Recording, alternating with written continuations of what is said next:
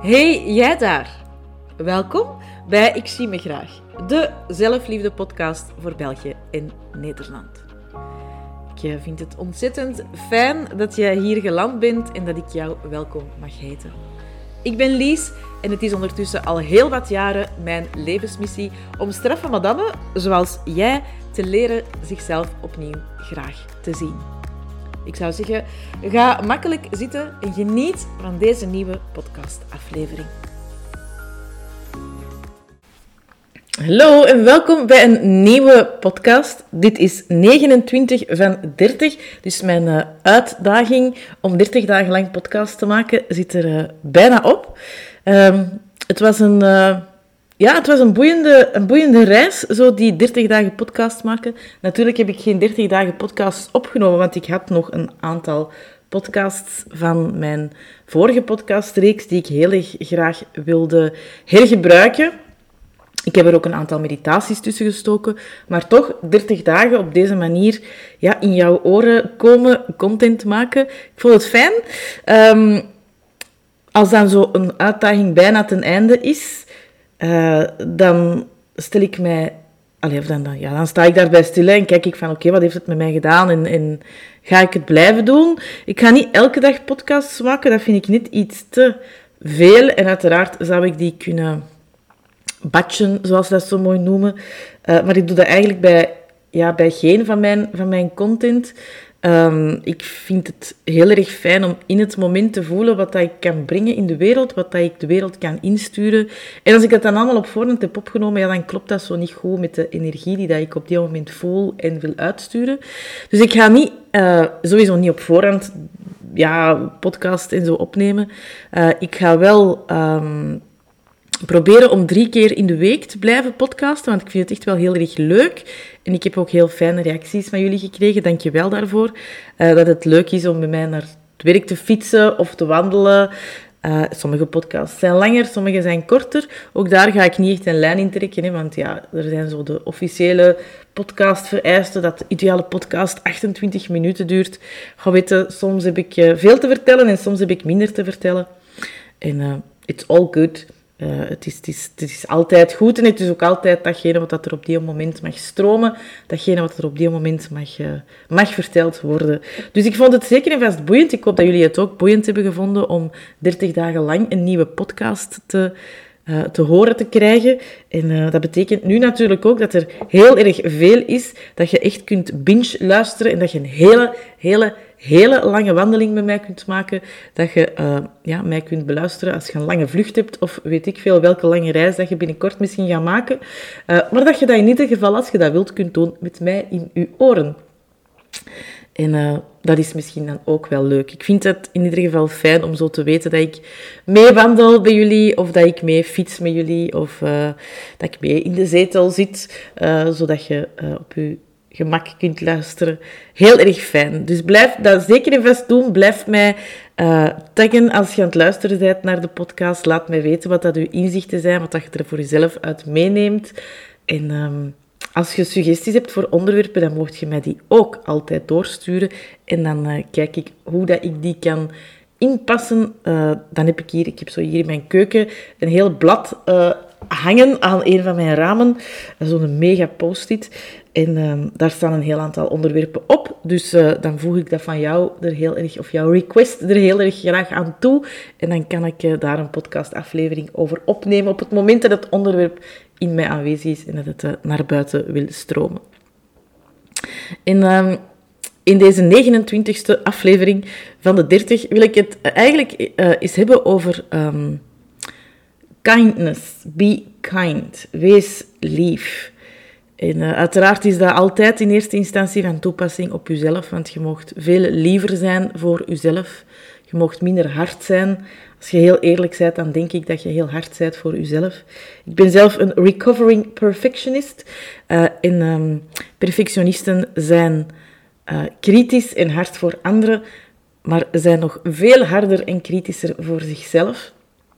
Dus uh, ik weet waar ik over spreek als ik uh, zeg dat je zachter mag zijn voor jezelf. Het is een lange weg geweest voor mij om zacht en mild te zijn voor mezelf en uh, om af te stappen van de rigiditeit, ehm, de, de regeltjes die dat ik mezelf oplegde binnen mijn perfectionisme. Het moest altijd beter, het moest altijd meer, het moest zus, het moest zo en niet anders.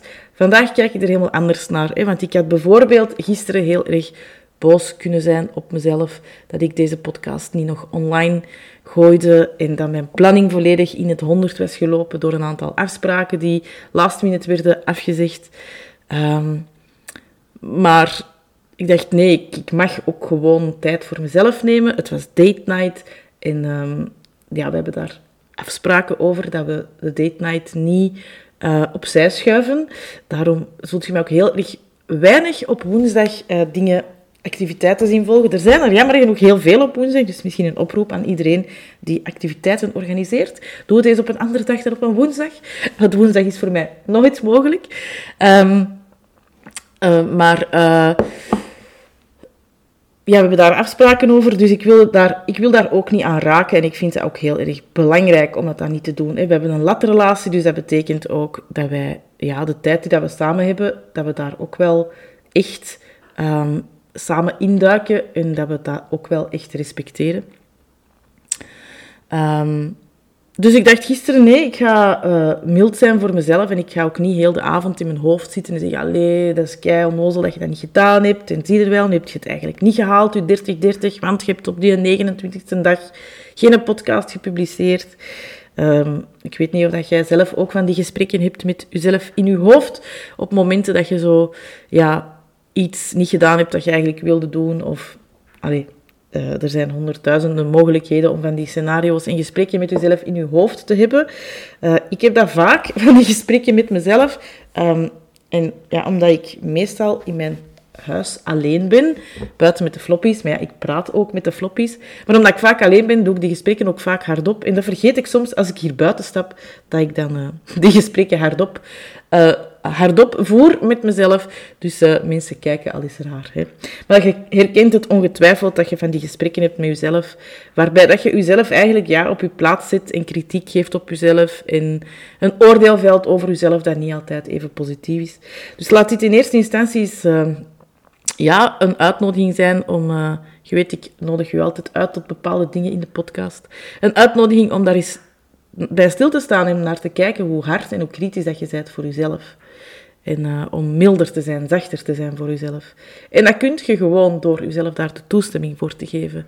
En uh, ik vind het zelf altijd heel fijn om als ik een periode heb, want dat gaat in ups en downs en dat is met vallen en opstaan, net zoals alles, um, vind ik het zelf uh, fijn om mezelf dan te zien als een kind van vijf en te denken, oké, als je nu een kind van vijf wordt, hoe zou je, zou je dit dan tegen jezelf zeggen? Zou je dit echt luidop uitspreken tegen je vijfjarige zelf? Tegen dat kleine meisje in u dat eigenlijk niet anders wil dan graag gezien worden? Zou je dat dan op deze manier daartegen zeggen?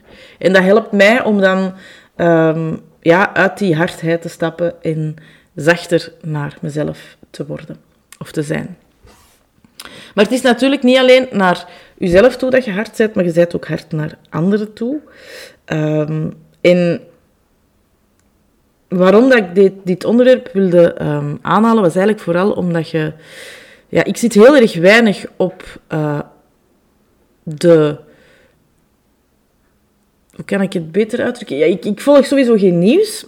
Um, dat is een keuze die ik, uh, die ik gemaakt heb na mijn burn-out, want is toch allemaal slecht nieuws. Waar ik was gisteren bij, bij Peter gaan eten en dan... Was zojuist voordat we naar onze film gingen kijken, was het nieuws. Ah, wilt je het nieuws niet zien? Nee, daar heb ik echt geen behoefte aan. Want het is toch slecht nieuws dat er gebracht wordt. En um, ik hoef het eigenlijk niet te weten. Ik kan het toch niet oplossen. Dus um, ja, ik hoef het dan eigenlijk niet, niet te weten. En uiteraard zijt je wel op de hoogte. Hè, want ja, je krijgt wel meldingen binnen op je sociale media. Um, maar uh, het is eigenlijk vooral als je zo de artikelen en dergelijke op sociale media dan leest, hè, want uiteraard verzeil ik daar af en toe dan toch wel eens, hè, omdat iemand iets deelt en ik denk, ah, dat is misschien interessant, en doorklikken, en wat voor je het weet, zit je toch wel op zo'n site.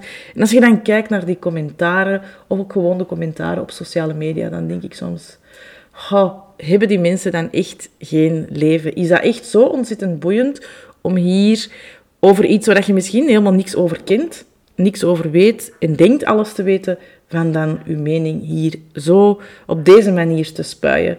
En dat kan dan gaan over, um, ja, wat was het? Ik denk dat het vorige week was. Um, op, ja, op mijn sociale media komt zo van de Masked Singer, omdat ik er al eens naar gekeken heb. En dan weet je, dan krijg je die meldingen. Hè.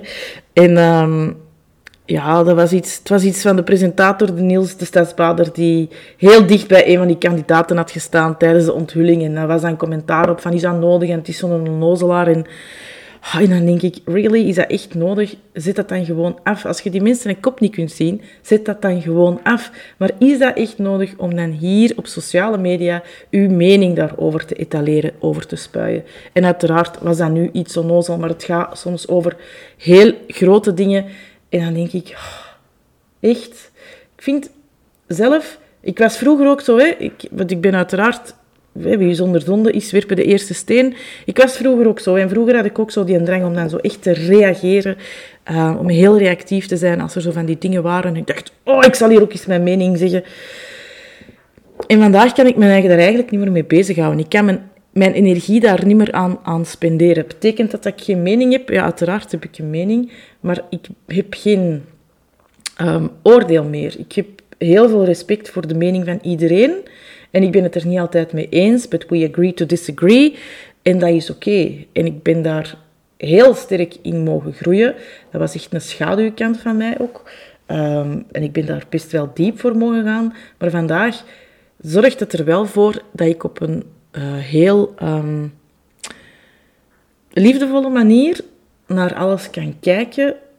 En dat betekent niet dat ik nooit niet meer geraakt word of kwaad word. Of, maar ik ga niet meer de nood hebben om dat naar buiten toe te brengen. Ik weet, als ik boos word of geïrriteerd of gefrustreerd van een commentaar of een kritiek of een boodschap die ik krijg, dan weet ik dat dat bij mij ligt.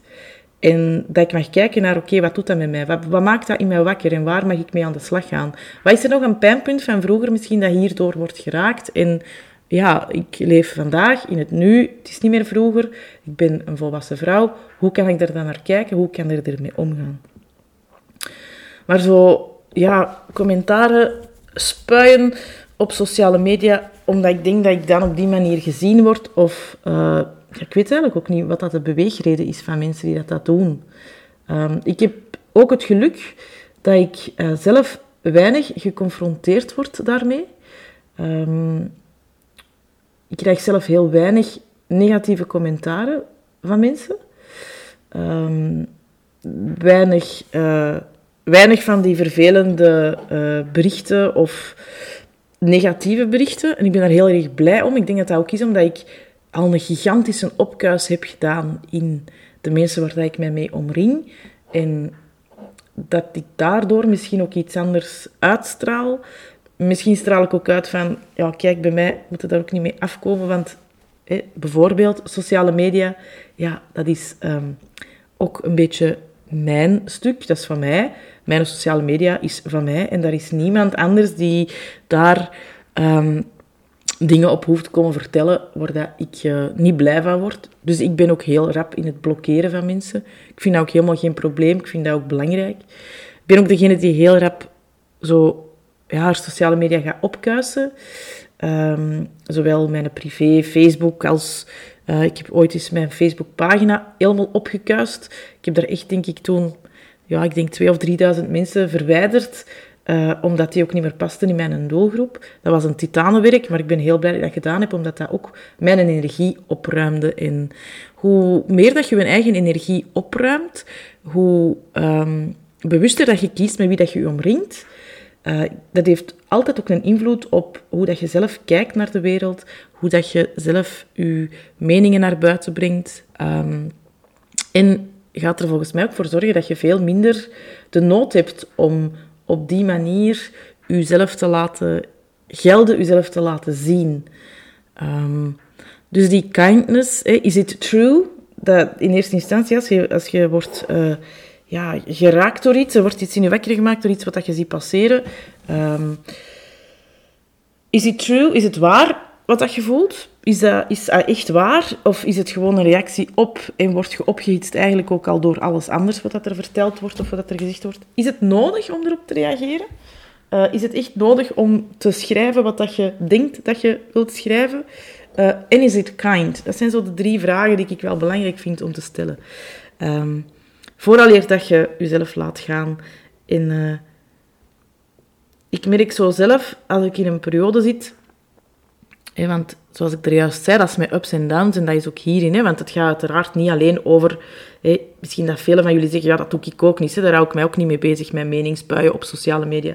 Maar het kan evenzeer gaan over een WhatsApp-gesprek... Een WhatsApp Um, waar dat gesproken wordt over gevoelige onderwerpen en dat je dan in eerste instantie dus al een heel ding getypt hebt. Dat is bij mij zo soms, dat ik zo in de momenten dat ik dan denk, oh, ik zal hier toch eens... En dan, voordat ik dat wil versturen, stel ik me dan die vragen. Is it true? Ja, het is mijn waarheid, maar daarom niet de waarheid van iedereen.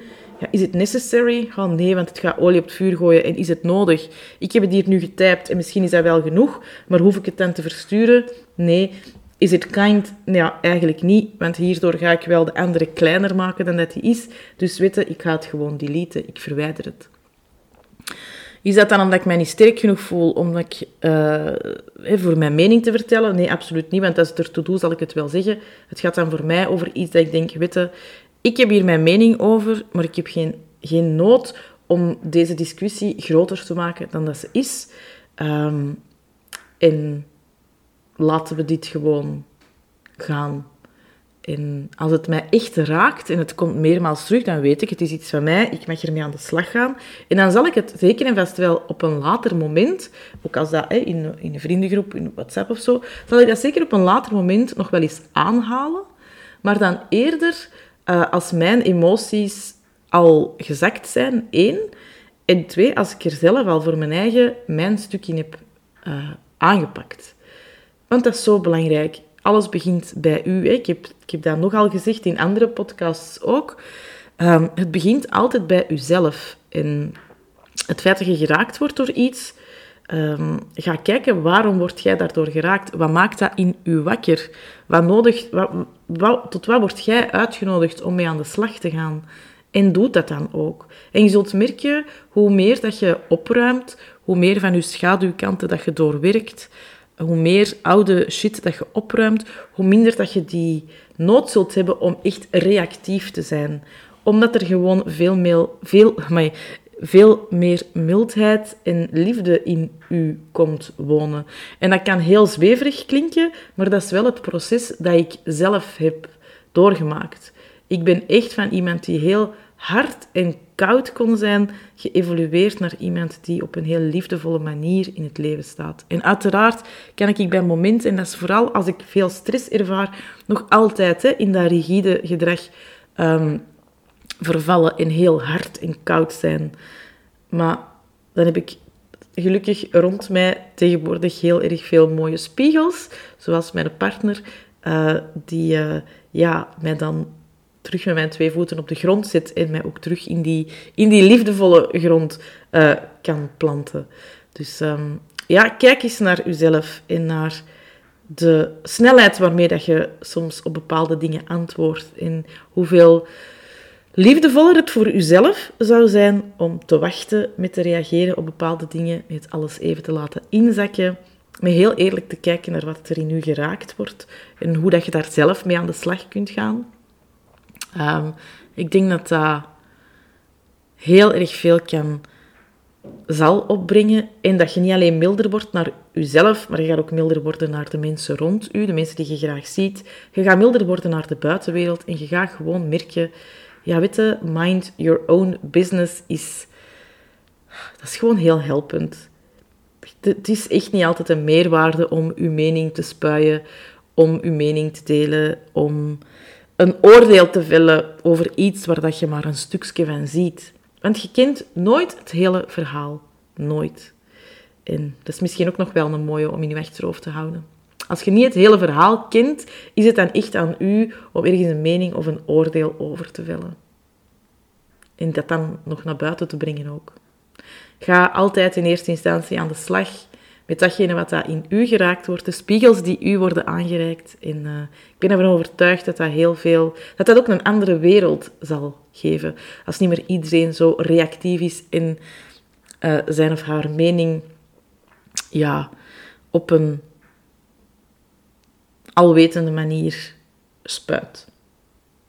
Ik hoop dat je hier voor jezelf iets uit kan, uh, kan meenemen en dat het u vooral aanzet om eens naar uzelf te kijken en om ja, milder te zijn, in eerste instantie naar uzelf, maar ook naar de mensen die je graag ziet, om uh, ja, anders te gaan kijken naar datgene wat dat je naar buiten brengt en naar de reacties die dat er in u worden wakker gemaakt om naar buiten te brengen.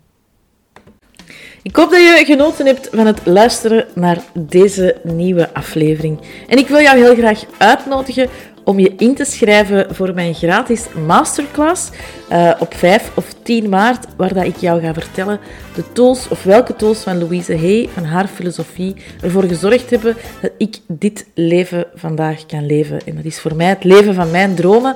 En als ik dat heb kunnen realiseren, dan kan jij dat ook. En ik wil jou heel erg graag meer vertellen over de tools die ik daarvoor heb ingezet.